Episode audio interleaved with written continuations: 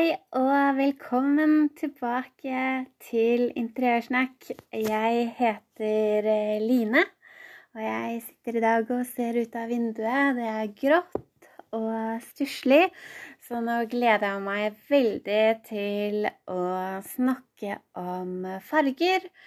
For sist gang vi snakka sammen, så snakka vi jo litt om det med nybygg og hvordan man skal starte.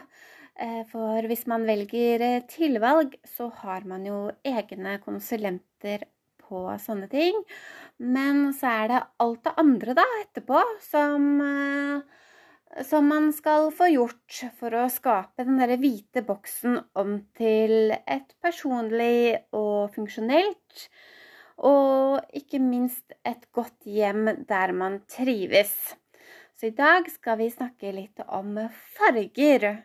For det er jo ingen hemmelighet at å bruke farger, det er den enkleste måten å få et personlig og hyggelig hjem på. Vårt eh, farge, ikke vårt fargerike omgivelser, det er jo naturlig for oss. Og det er slike miljøer vi slapper av mest i. Det holder oss friske, vi er mest kreative, smiler mest så det å omgi seg med farger gir energi og er en vitamininnsprøytning for hjernen vår.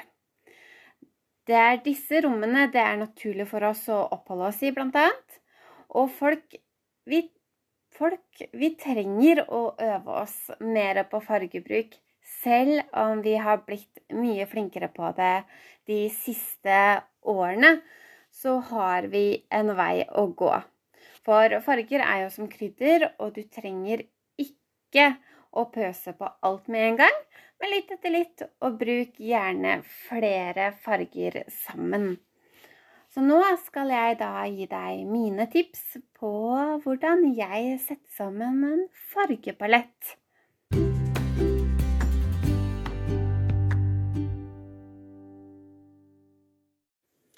Så det jeg gjør, da, det er at jeg først og fremst velger en hovedfarge, en aksentfarge og en kontrastfarge.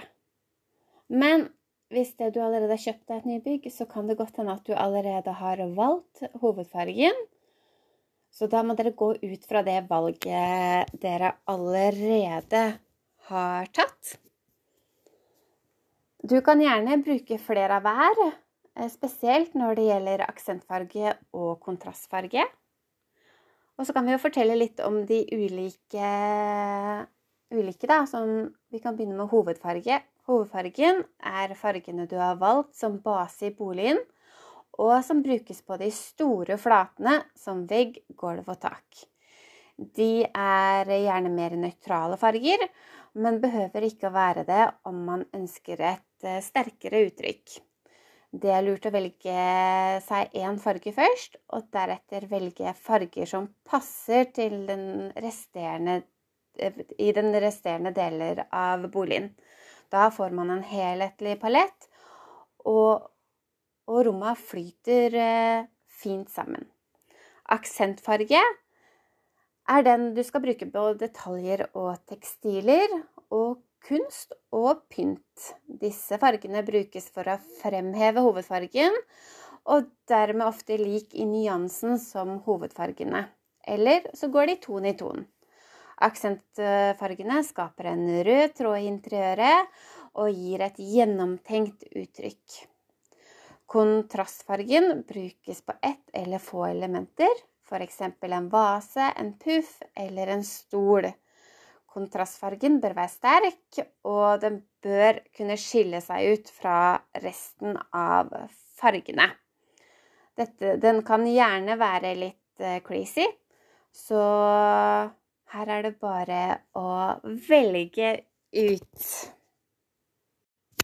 Og så er det én ting til. Vi må ikke glemme effekten av å male taket, vinduer, lister og dører.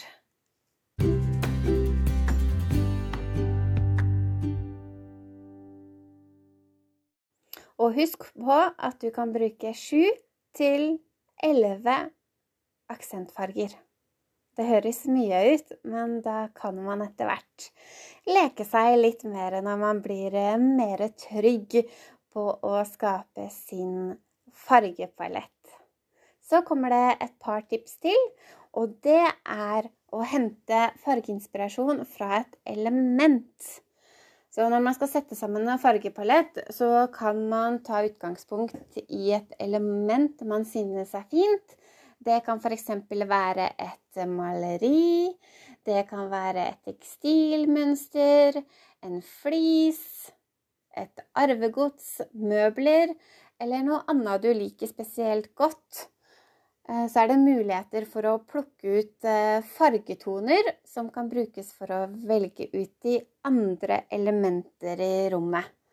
På den måten her så kan en gjenstand med sentimental verdi være et godt utgangspunkt for din fargepalett. Så var det siste finish og stylingen. Noe vi damer i hvert fall kanskje syns er aller mest gøy når vi kan begynne å stæsje det vi har venta så lenge på. For jeg vet ikke med dere, men for min del så syns jeg den prosessen er veldig gøy. Men det skulle helst ha vært ferdig i går. Så når vi kommer hit, da er i hvert fall jeg veldig glad. Og her er det jo eh, når vegger og gulv, møbler og belysning allerede er på plass. Og det siste som mangler, det er å gjøre det personlig med pynt, detaljer og kunst. Så her kan man da bruke aksentfarger og kontrastfarger for mer spill i rommet. Og det å bruke ulike tekstiler og materialer på detaljene vil jo krydre den totale fargepaletten. Og det blir enklere for dere nå som dere allerede har en fargepalett og vet hva dere liker, og, og pynte opp eh, nye boligen eller det nyoppussa rommet. Og et annet tips hvis du skal ut på handletur, så gjør du det også enklere. For da kan du ta med deg prøver fra sofa, gardiner og pyntegjenstander du liker til butikken og sammenligne, så slipper du bomkjøp. Du kan også gå ut fra moodboardet, så du vet hvilken stil, form og ikke minst fargepaletten din. Det er deilig å slippe å gjøre bomkjøp når man eh, har investert mye tid og energi i et eh, rom. Det vil jeg tro alle er enig i. Det var det jeg hadde i dag. Jeg håper du likte episoden. Og vi kommer også til å snakke mer om farger videre utover eh, høsten. Men jeg håper dere vil i første omgang prøve dere på en eh, fargepalett. Og så ønsker jeg dere en fin uke, så snakkes vi snart. Ha det bra.